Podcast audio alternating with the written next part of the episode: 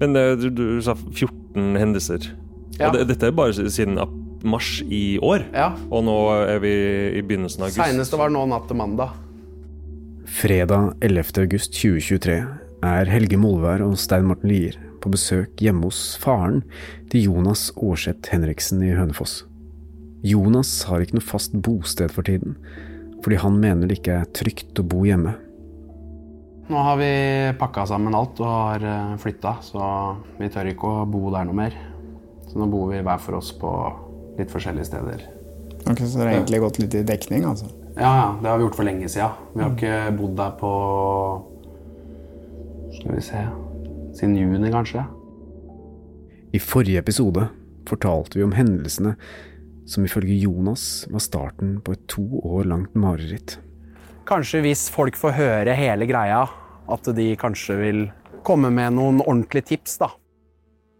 Seks dager etter at vi møtte Jonas i Hønefoss, ble han funnet drept i en bil i grøftekanten på en skogsvei i Nes i Ådal i Ringerike kommune.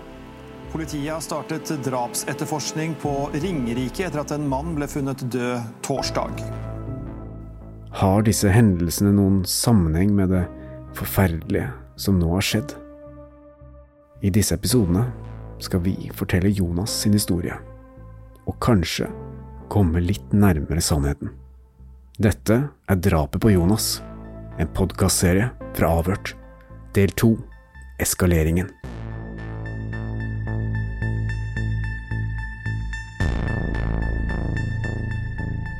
Du var kjæreste i uh, Ja. Tønsberg, Jeg fant meg kjæreste i Tønsberg i 2022 og flytta inn til henne.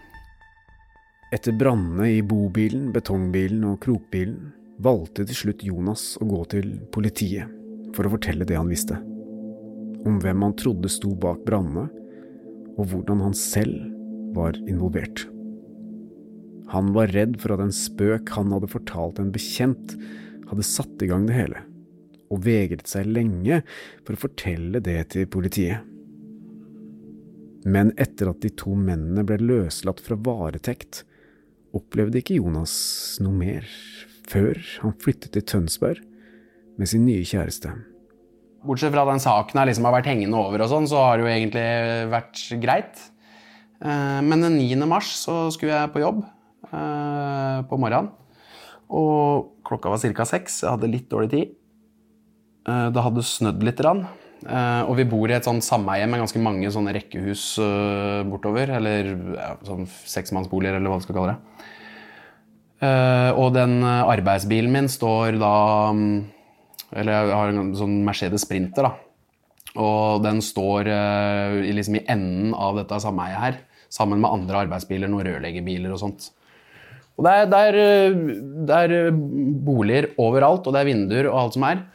Eh, Men jeg jogger i hvert fall bortover.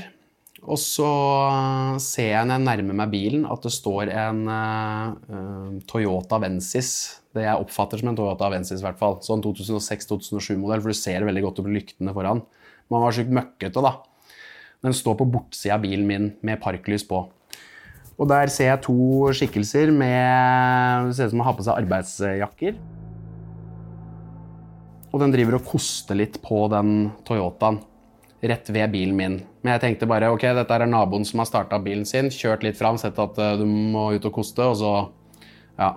Men så går han eh, ene personen rundt øh, fronten på bilen min, og så mot en rørleggerbil som står øh, to plasser lenger bort. Så begynner han å koste den. Men jeg tenkte fortsatt det ikke var noe mistenkelig. Dessuten så jogger jeg jo bort, så det er jo begrensa hvor mye du får rekt å tenke. Eh, han, har på seg, han er rundt 1,70 høy, har på seg eh, svart lue, eh, svart bøff over munnen. en gul arbeidsjakke eller arbeidsgenser og svarte bukser. Jeg hilser på han, og han hilser tilbake. Så passerer jeg han, og så låser jeg av bilen min, åpner døra, og akkurat idet jeg skal til å sette meg inn, så, for da står han på en måte bak meg og koster den bilen, da. Idet jeg, snur meg- eller i det jeg skal sette meg inn, så roper han på meg. Bare tilrop, på en måte. Eh, Jeg snur meg mot han, og der står han med da, hånda strekt ut med en spray av noe slag og sprayer meg i øya og munnen. da. Hva, hva var han ropte? Ropte han Jonas, eller var det Nei, det var bare sånn! Et eller annet sånt. Ikke, noe- klarte ikke å Det var ikke noe beskjed. Ingenting sånt. Eh, så idet han sprayer meg, så du får jo sjokk da, da. Eh, så det første du sier, er liksom au, for det svei jo noe jævlig, og du får jo ikke puste og sånn. Men da begynner han i hvert fall å dælje løs på meg med den iskosten. Eh, og siden jeg ikke klarte å se noen ting Altså, jeg har jo Jeg kan jo slåss, på en måte, men det er bare hvis man er forberedt på det, da. Så jeg fikk ikke gjort noe annet enn å bare vræle, på en måte. Eh, og jeg kom meg litt unna han, eh, og da kommer det en annen kar bakfra med eller den andre skikkelsen da, med noe som jeg syns var mye hardere. da, Så jeg lurer på om det var brekkjern eller et eller annet. Så jeg får meg noe slag mot eh, bakhodet og i albuen og underarmer og eh, på ryggen og sånt. Så får jeg De prøvde å liksom få meg vekk fra der jeg kom fra. Og jeg roper etter hjelp og sånn, for å håpe at det er noen som hører dette her. Og så får jeg sparka av meg treskoa. Jeg går i sånne lastebiltresko. Så fikk sparka av meg de, og så fikk jeg kommet meg unna dem da, og løpt tilbake. Så løp jeg et stykke mot leiligheten igjen. Jeg hadde også lagt igjen telefonen inne, på, inne i leiligheten. Ehm, og jeg fortsetter å rope, på en måte, mens jeg sliter med pusten og synet og sånn. Og da når jeg, jeg følte at de uh, fulgte etter meg, men det, det veit jeg ikke, da. Men i hvert fall når jeg hadde fått løpt en 70-80 meter bort, da snur jeg meg, og da kjører de da ut med den Toyota Vensisen. Og den er jeg veldig sikker på at var sånn gul-beige farge stasjonsvogn med sota ruter, da. Eh, Så stikker de. Så får jeg løpt inn, får ringt, eh, får varsla politiet. Eh, Og så ringer de også ambulanse, og sånn, så kommer ambulansen og henter meg. Eh, Blir kjørt på akuttmottaket, får må full på akutt der. Får en finger i rumpa før frokost om morgenen. Så eh, dagen, dagen starter bra. Dagen etter står en artikkel i Tønsbergs Blad med overskriften 'Mannen i 20-åra ble overfalt når han skulle dra til jobb'. I denne artikkelen, som Jonas selv leser fra sykesenga, står det også at to personer er arrestert i forbindelse med voldshendelsen. Men disse to ble raskt løslatt. Jonas fikk i etterkant se bilder av de to som ble arrestert for overfallet og han mener at disse ikke ligner på de som angrep ham denne morgenen. Da husker jeg det var en stor oppstandelse i Tønsberg Blad om at eh, politiet var så udugelig og sånn, men jeg skjønte jo det fort etterpå når jeg fikk en bistandsadvokat til å sende dokumentene, for det var jo bare to stakkars litauere i 50-60-åra som skulle på jobb om morgenen. Ja, de hadde fått, tatt feil folk. Men uh, hvilke skader hadde du etter det, da? Og Jeg hadde, jeg hadde merker og slagskader og sånn på, på underarma. Det var en svær hevelse på, ved albuen her, og så en svær hevelse i huet. Og så hadde jeg sånne slagmerker nedover ryggen. da. Mm, Fikk du noe svar på hva slags spray du hadde brukt? Eller var det pepperspray, eller var det Nei, det sa de ikke. Jeg vet ikke. Nei. Jeg tok vare på en sånn uh, un, Eller sånn superundertøydel som jeg putta i en pose. Fordi det skal sies i alle de sakene som skjer her nå, så har ikke politiet gjort så mye. Så jeg prøvde å ta vare på mest mulig bevismateriale sjøl, da. Men hva skjedde med den eh, overfallet? Ble det henlagt òg?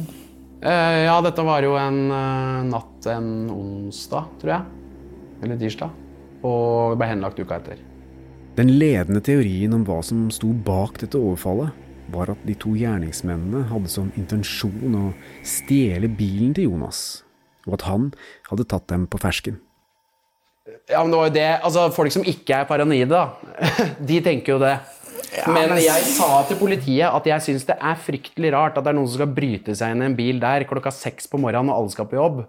Og dessuten så var det kommet nysnø, så du så jo på dørhåndtakene på bilen at det var ingen som hadde prøvd å ta i den døra engang. Altså, uansett, sånn, hvis du skal se litt sånn logisk på det, så hvis du står der to stykker som skal bryte seg i en bil, og så kommer du og liksom ødelegger innbruddet det en litt rar reaksjon at da tar vi og sprayer han og banker opp ham fordi han har ødelagt eh, innbruddet. Den kjøper jeg ikke helt. altså. Det syns synes jeg høres veldig rart Gjorde de noe forsøk på å finne de nøklene til denne bilen, for Nei, eksempel? nei. Ble jo ikke, ble bedt om, ble ikke bedt om Nei. noen ting heller. Men det så ut som de ble litt satt ut av at jeg ropte så høyt. Ja, selvfølgelig. Og bekymra for at hun skulle vekke noen naboer. da. Ja. Vitner. Men til tross for at dette skjedde på et tidspunkt da flere vitner kan ha fått med seg hendelsen, var det ingen som så overfallet på Jonas. For, for da, da var det masse vinduer og, og folk som kunne sett dette, eller? Ja, men det er så typisk der, for det er liksom eh, De soverommene er på en måte vendt litt vekk, da. Ja.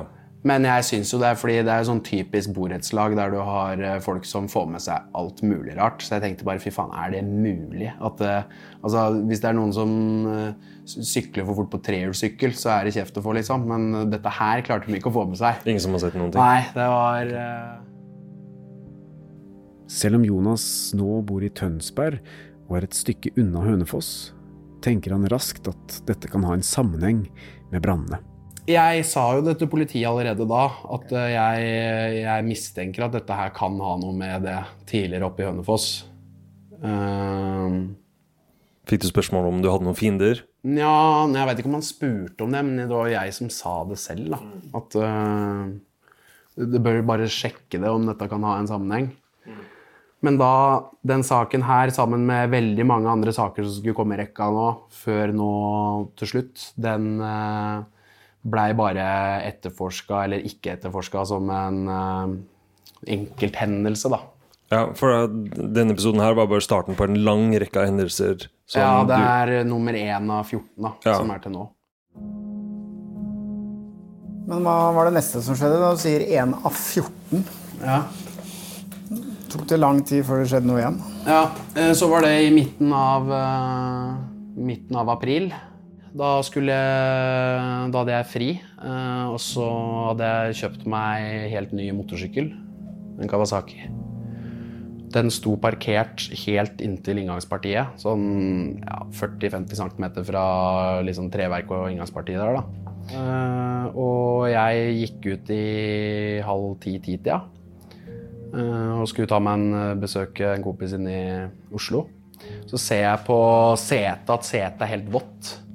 Så jeg, så ser jeg først opp om det har regna, det har det ikke. Men så ser jeg at det er litt sånn glinsende. Så bare ok, dette her er fuel av noe slag. Så, så jeg begynte jeg å se på å kontrollere tanken, liksom. At det har det lekket ut noe her? Eh, men da ser jeg jo da at det er helt eh, noe olje eller drivstoff av noe slag da, over hele motorsykkelen. Og så ser du at det er forsøkt påtent, for det er noe som har begynt å brenne nede på bakken. da. På bilder tatt samme dag som denne hendelsen, kan man se den grønne og svarte motorsykkelen stå bare en knapp meter fra husveggen. Under sykkelen er det en stor, mørk flekk og det som ser ut som aske. Jonas ringer raskt politiet, som kommer til stedet. Eh, de begynner å se litt på sykkelen, sånne type ting. Og idet han snakka med juristen der, så spurte jeg om vi skulle kunne gå bort og se på bilen min òg. Og da hadde de gjort akkurat det samme på den bilen. Da da var det helt flere liter, for det hadde jo rent liksom ned motorrommet og ut på parkeringsplassen og ned i en kum og sånn. Og der var det forsøkt påtent oppe ved hjørnet på vinduet, da. Så både motorsykkelen og bilen var forsøkt påtent. Ja. Men hadde mislykkes, da. Ja, heldigvis. For hvis den motorsykkelen hadde tatt fyr, så kunne det tatt fyr i hele leilighetsgreia der. Og det lå jo barn oppe i andre etasje og sov. og... Ja, ikke sant. Så det, jeg syns den Oppi alt der, da, så syns jeg faktisk den hendelsen der er den mest alvorlige som har vært. da. Fordi heldigvis med de lastebilene og sånn også, så har det heldigvis ikke vært ja den, ja, den sto ganske i nærheten av folk, den Volvoen, da, men altså, sånn som den betongbilen og sånn, sånn sto heldigvis ikke til fare for noen folk. Uh, og én ting er liksom at jeg får juling og sånn, da, men hvis dette her skulle blitt en svær brann som går utover andre mennesker og sånn, det har liksom vært Ja. Kunne fyre opp hele sameiet. ja. Politiet tok en del bilder av åstedet. Men ifølge Jonas tok de ingen sporprøver, til tross for at han oppfordret dem til å finne ut om dette kunne ha noen sammenheng med brannene i Hønefoss. Dette antatte forsøket på brannstiftelse har etter det vi har fått opplyst, ikke blitt henlagt av politiet på det tidspunktet denne podkasten publiseres. Eh, brannvesenet. Jeg ringte brannvesenet fordi motorsykkelen fikk jeg trilla bort, og så fikk jeg vaska av dette greiene. Men bilen sto så langt unna vann, og så hadde ikke jeg lyst til å liksom starte opp, eh, starte opp bilen uten å vite hva, eh, om det var noe brennbart der fortsatt. og sånn, ikke sant? Jeg har ikke lyst til å ringe forsikringsselskapet en gang til. og så eh, Så jeg ringte brannvesenet, og det var kjempehyggelig. De kom og kikka på det, og da mente de at eh, da mente de at det var brukt eh, lampeolje. Og Hvis det var noe bensin der, så hadde det fordampa. Men det var, dette måtte vært noen amatører, for dette har de ikke fått til. da. Så de var ganske sikre på at det var lampeolje. I forrige episode fortalte vi om denne personen som Jonas først fortalte denne spøken til. Om at betongbilen like gjerne kunne brennes opp. Som han selv tror var utløsende faktor for ildspåsettelsen. Da Jonas fortalte politiet om at denne mannen og en annen bekjent kunne ha noe med brannene å gjøre, ble de begge satt i varetekt. Og da politiet ransaket hjemmene til disse mennene, ble det bl.a. funnet sprayflasker med aceton og lampeolje hjemme hos den ene. Kan dette ha noen sammenheng med lampeoljen som nå var blitt brukt i brannstiftelsesforsøket i Tønsberg? Ja, hva skjedde videre, da? Uh, skal vi se. Uh, nummer tre, det var uh, Da det var i mai. For det har gått sånn, Enten så har det gått sånn akkurat en måned imellom, eller så har det gått bare noen dager imellom. Det er litt sånn. Men eh, i mai, da var det um, tagga eh, Den ene arbeidsbilen til den ene ansatte var tagga ned, hele greia. Den hvite bilen er tagget ned med svart spray. Lange streker, kruseduller og peniser. Den samme ansatte skulle oppleve flere hendelser med tagging på bilen. Tagga i, hos han eh, to, to ganger så har det blitt tagga bil. Altså sånn Han har fått tagga én bil, kjørte den opp til eh, takst og, og, og tatt en annen arbeidsbil vi har, og så blir den tagga også. Ok. Bare noen dager etterpå, Ja. da? Eller? Ja. ja. Og, så, og da samtidig punktert dekk. Eh, og så var det vel det at vi begynte å få folk hjemme hos oss, da. Etter de ubehagelige hendelsene har Jonas og kjæresten satt opp overvåkningskameraer rundt hjemmet. Og på en video fra fem minutter over midnatt denne natten kan man se at en person nærmer seg huset. Eh, Ja, det var vel den første gangen at de uh, kasta to sånne stålbiter gjennom vinduet. Eller de traff bare med én, da. Denne natten har kjæresten til Jonas sin kusine på besøk. Alle tre har lagt seg litt før midnatt, men før noen har sovnet, smeller det i hele huset. Først tror de at det bare er naboen som har mistet noe i gulvet, helt til de sjekker opptaket fra overvåkningskamera. Men så går vi og sjekker overvåkningskamera, for da har vi kamera på begge sider av leiligheten. Og da kan vi se at det er en person som kommer gående i eh, en sånn dunjakke med hetta på. Så eh, går han bestemt foran terrassen vår, og så snur han, går litt tilbake, ser seg rundt, og så bare kitter han de der stålbitene da, gjennom vinduet. Personen på videoen har en boblejakke med hette over hodet og bukser med refleks. Det er vanskelig å se om personen har dekket til ansiktet, eller om det er oppløsningen på videoen som gjør at det er vanskelig å se ansiktet til personen. Etter å ha kastet disse gjenstandene mot huset, kan man se personen løpe vekk. Da ringer vi politiet, og så kommer politiet. Og vi må sitte og, det er det som er Hver gang vi ringer politiet, så må vi sitte og forklare hele regla om igjen. fordi det, er ingen, det ligger ikke inne fra før hva som er i gang her. Du må helt tilbake Ja, ja. til betongbilen Ja. og denne joken Ja, ja. og båttur og sjåfør. Jeg har forklart ja, ok. forklart det noen ganger. Jonas fortsetter å sikre seg videobevis av hendelser rundt huset. I juni finner kjæresten steiner som ligger ute på terrassen. Og når Jonas sjekker kamera, ser han en person i hettegenser eller jakke med hette, med skjult ansikt, som kaster steinene mot huset. Og senere skal det bli enda mer guffent for Jonas og kjæresten når det blir observert personer på kamera som Jonas mener ønsket å bli sett. Og så har det vært eh, De har vært der og mm, spana, i hvert fall én gang. Kanskje to ganger. Altså, du ser dem Ja, det er to ganger. Du ser dem kommer og filmer leiligheten. Og går rundt, og på en måte det er nesten så de vil bli sett. da. Ok, Så det er liksom tydelig Ja, det er sånn, De er maskert, du klarer ikke å se hvem det er, men de bare 'Her er vi. Vi følger med på deg', liksom. Når tidspunkt på døgnet er det her? Uh, nei, det har vært alt fra den, Ja, når vi var på ferie nå, så var de jo der klokka halv elleve eller noe sånt nå. Det er mens det er folk som fint kunne vært ute og, og gått der. Eh, eller så er det sånn mellom halv ett og tre Ja, gjerne Altså når det er mørkt, da. Det er jo da de har stort sett vært der. Så de har styrt seg litt etter det. Jonas bestemmer seg til slutt for å ta affære. Han tror at de siste urovekkende hendelsene har sammenheng med brannene i Hønefoss. Og han bestemmer seg for å konfrontere mannen, som han mener har hatt noe med brannene å gjøre. Vet du hva, nå tar vi jo nå, Altså, politiet gjør ikke noen ting. Vi må gjøre et eller annet. Og vi tenkte at eh, nå får vi bare reise og prate med han Sånn at eh, vi bare hva, hva er greia nå? Eh, er det noe han gjør, eller er det det at eh, eh, det er noe han sier som gjør at noen andre vil gjøre det, eller et eller annet, da. For vi har jo fått høre flere ganger at uh, hans versjon på dette her er at eh, han har blitt blanda inn i den brannsaken helt uten grunn.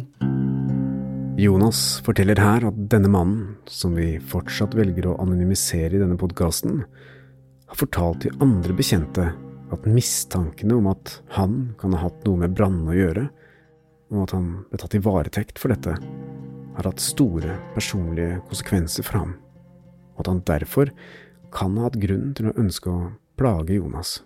Så han har grunn til å ta hevn over deg, da. Det er det han mener. Ja, altså han, Når han blitt spurt om dette, her, sånn, så er det, det er i hvert fall ikke noe synd på meg. da, for å si det sånn.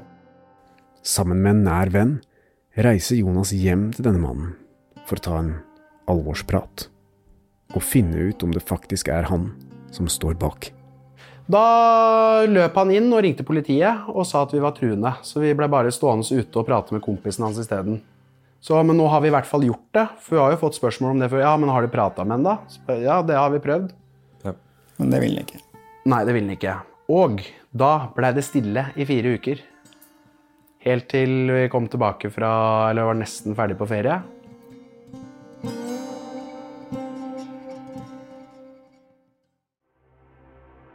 Igjen er det noen mystiske personer som blir observert rundt boligen til Jonas og kjæresten på nattestid. første som skjedde, var jo at disse her var og spana nede der og tok video og sånt noe. Som vi så på kamera. Politiet ville ikke rykke ut før det skjedde noe, selvfølgelig. Eh, Men natt til den mandagen det, Da eh, hadde det blitt eh, tagga Tyster-Jonas helt fra der eh, jeg bodde før, og helt opp til Nestunnelen i, på E E16. Tyster Jonas. Det er jo ganske greit å tenke hva som Hva som ligger skjedd, bak det. ja. Mm. Kan det hende at Jonas har blitt sett på som en tyster fordi han gikk til politiet med sine teorier om hvem som kunne stå bak brannene? Med mindre du har vært involvert i masse andre saker hvor du har drevet tysta til politiet? Nei, jeg har aldri nevnt noen navn til politiet noen gang. Og altså, jeg, jeg er helt enig sånn hvis du La oss si du har gjort et eller annet eh, Gjort et eller annet ulovlig, da, og så skal du på en måte bare skylde på noe Eller dra med noen andre for å få mindre straff og sånn sjøl. Da hadde jeg skjønt det helt, liksom. Men det er ikke det som er greia her. Men når det brenner faen meg bil nummer tre i en samla Altså, du må, du må legge det på bordet. Og det er ikke jeg som har bedt om å tenne på noen ting. Og jeg føler jeg har tatt ansvaret mitt for, for, eh, for den betongbilen, da.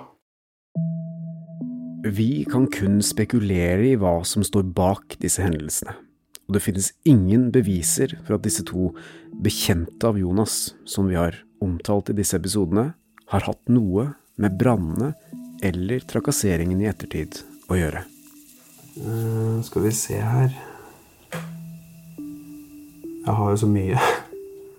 Men uh, vil, du- du kan se den siste natt til mandag først. Mm. Jonas henter fram mobilen og viser Helge Åstein Morten noen av videoene fra overvåkningskamera. Den siste hendelsen skjedde natt til mandag 7. august. Fem dager før dette intervjuet ble gjort. Og så kommer det en kar og kaster et malingsspann på den bilen. Videoen viser en person som kommer bort og kaster et spann med maling over en av bilene som tilhører Jonas sitt firma. Og løper av gårde. Klokka ti på to natt til eh, 7.8. Ja, så er han jo kledd såpass i tillegg til at det er mørkt at det er jo ikke mulig å se hvem det er. Hvor var han maskert? Det er jo-? Der, se der, ja. Altså gulmaling. ja.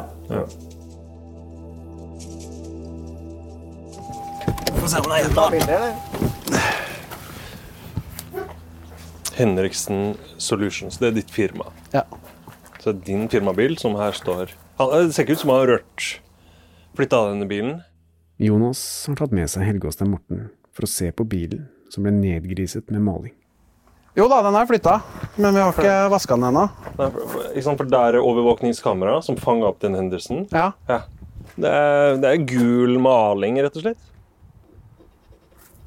Men får man bort det her hvis man eh, prøver? ja, vi brukte tynner sist. Rundt på området har Jonas montert flere kameraer for å prøve å få bilder som kan identifisere gjerningsmennene. Nå ser vi over på nabohuset. Ja. Hvorfor var det installert Hvorfor har det blitt installert et uh, kamera der? Det er for å få med hele gata, da. Hvis det er en bil som parkerer i svingen der borte, eller Det, det er for å dekke inn eventuelle problemer som oppstår her. Ja. Ja. Uh, og så tenker jeg jo Altså, de bruker jo alltid noe maske eller noe, men det er jo veldig rart eh, Altså, de, det er jo ikke sikkert de går med den maska hele veien, ikke sant? Nei. Så hvis man får tatt dem lenger unna, da, så kan det hende man Personen som begår hærverket på videoen, har gjort en innsats for å ikke bli gjenkjent. Med en caps på hodet og ansiktet tildekket. Men det kan allikevel være kjennetegn som avslører vedkommende. Men har du prøvd å liksom gå zoome inn på den videoen der? Kommer det noe tydeligere ja, han bilde har av bare han har bare sånn hvit korå, eller sånn støvmaske og caps, og Mm. ser ikke hvem det er. Men det er jo kroppsfasong, da. Men jeg går jo for at du har sett på de videoene her mange ganger. Ja. Men kjenner du igjen Klarer du å kjenne igjen disse personene? Er det noe kjent på dem? Nei, ikke jeg, altså, han, han ser jo litt lik ut den personen som jeg nå har i huet at, det er, at kan ha gjort dette her, da. Jonas gir oss nå navnet på en person han nå mener står bak noen av disse handlingene. Som visstnok skal være en venn av en av de mistenkte i brannene. Denne personen skal ifølge Jonas ha fortalt andre i Hønefoss-området at han skulle få Jonas voldtatt og banket hvis Jonas skulle havne i fengsel. Noe denne personen skal ha vært sikker på at ville skje. Han har ikke sagt det til meg. Det har han ikke sagt. Han har sagt det så en annen bekjent av meg har hørt at han har stått og sagt det. da. Men han eh, ligner på det du ser på videoen. Ja, men Jeg skjønner at det er vanskelig, men noe med kroppsspråk og ja. uh, kroppsbygning Det kan stemme, men jeg har ikke sett den på lenge. Nei. Du har ikke vært frista til å konfrontere han. Nei. Uh, Ja, hva slags type er han? eh? Når jeg møtte han på fest, og sånn, så har det aldri vært noe dårlig stemning der. Men han har jo vært en fyr som du merker er litt sånn Litt usikker fyr og gjerne står og skryter litt av at eh, hvem som er gærne og litt sånne ting som kanskje var kult når man var 18 år, da. Han har i hvert fall, eh, i hvert fall vært veldig glad i å prate om at eh, ting som er kriminelt, eller hvem som har slåss med hvem og sånt noe, da. Sånn som jeg syns er litt kjedelig å stå og høre på på fest. Som det blir liksom sånn Ja. Jonas og kjæresten valgte å flytte ut av leiligheten etter disse hendelsene, og bor nå litt rundt, for å ikke bli værende på ett sted, slik at de kanskje kan unngå de skremmende nattlige visittene og hærverkene. Men selv etter at de flyttet ut, fortsatte det å skje hendelser rundt leiligheten i Tønsberg. Eh, Nå sitter vi i huset til din far Mm. på Hønefoss. Har, har han opplevd noe ubehageligheter? eller? Nei, det har han ikke. Han sa det litt sånn på gøy at han At jeg ikke skulle være noe redd for at det skulle skje. da. For han nesten så han håpa det, så det liksom enda flere kunne pushe på politiet. For han er jo mest forbanna på det at det ikke skjer noen ting der. Men jeg håper jo ikke at det skal skje. Så jeg er jo Jeg flytter jo, eller er jo litt rundt her og der, da. Så jeg kjenner det er ganske tøft å liksom At dette her skal gå utover andre, da. Kanskje du skal ta fra en stor, sint hund? Ja. Kjøpe en ferdig stor en. Omplassere en som er litt Som er litt, Halvveis har gode, gode vaktinstinkter? Ja. Intervjuet med Jonas avsluttes med godt humør. Sammen med Jonas la vi planer om å spane på stedene hvor det har skjedd hærverk. Kanskje kunne vi ta gjerningsmennene på fersken. Sammen med Jonas skulle vi jobbe med denne saken i lang tid fremover. Og Jonas sendte oss alle dokumentene han selv hadde samlet i etterforskningen av sin egen sak. Skal ta så se på det i helgen. Og så er det bare å ringe meg eller sende meg en melding. Skal gjøre det, Jonas. Så får du ha en uh, fredfull helg, forhåpentligvis. for det. Takk for nå. Jeg sier Så snakkes vi snart. det blir noe. Gjør det. Det er nesten bedre å ringe enten dere eller Hønefoss vaktselskap enn å ringe politiet. vet du, For det tar jo knapt tid å få noen respons. Nei, vi rykker ut. Får du bare dokumentere da, alt som skjer. Ja. Jeg prøver på best mulig måte. Helgåstein Morten setter seg tilbake i bilen og setter kursen hjem mot Oslo. Ok. God helg. Ha det. Han er Altså, ja, hva han har vært innom. Er jo helt Altså, én ting er jo En ting er liksom å få bilen sin knust og malingsspann eh, helt over bilene og det her. Og, og biler satt i brann. Men det er liksom trusler om voldtekt og overfall i tillegg. da. Husk at når du slår overfalt. noe så hardt i bakhodet, så kan du faktisk i verste fall dø. Mm. Eller kanskje bli hjerneskada. Altså, er, bakhodet er sårbart, altså. Mm. Så det er ikke noe klart at uh, Hvem vet hva som ville skjedd hvis ikke han hadde hylt og skriket så fælt, og de kanskje hadde fått litt uh, panikk pga. det. Mm. Så det er jo ikke noe uh, Det er ikke uvanlig hærverk. Dette her er jo mye mer alvorlig enn som så. Og hvis dette her kun er pga. at disse karene ble satt i varetekt i en uke Hvis man skal dra det dit, da, at det har med denne og å gjøre De, de ble jo ikke straffa. Det ble jo henlagt uh... Nei, De satt en uke i varetekt og var mistenkt, og det ble henlagt. Så de har jo ikke fått noen konsekvenser. for dem. Så det er klart å holde på da i flere år med sånne represalier, det er jo galskap. Mm.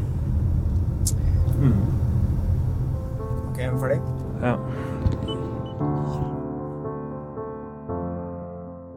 Den Jonas som avhørt møtte den dagen, var blid, imøtekommende, men han var bekymret for sin egen og sine nærmestes sikkerhet. Og seks dager etter dette møtet fikk vi den grusomme beskjeden om at Jonas var funnet død. Enda større var sjokket da vi fikk høre at det mistenkelige dødsfallet nå blir etterforsket som drap. Når denne episoden publiseres, har politiet fortsatt ikke pågrepet noen for drapet på Jonas. Og hvis du vet noe som kan hjelpe politiet i sin etterforskning, ber vi deg ta kontakt med politiet på telefon 02 800. Drapet på Jonas er en podkastserie fra Avhørt, produsert av Batong Media. Redaksjonen vår består av Stein Morten Lier, Helge Molvær og Lars Christian Nygårdstrand. Hvis du vil høre eksklusive serier fra Avhørt ett og et halvt år før alle andre, finner du disse på Podme. Gå inn på podme.no, eller last ned Podme-appen.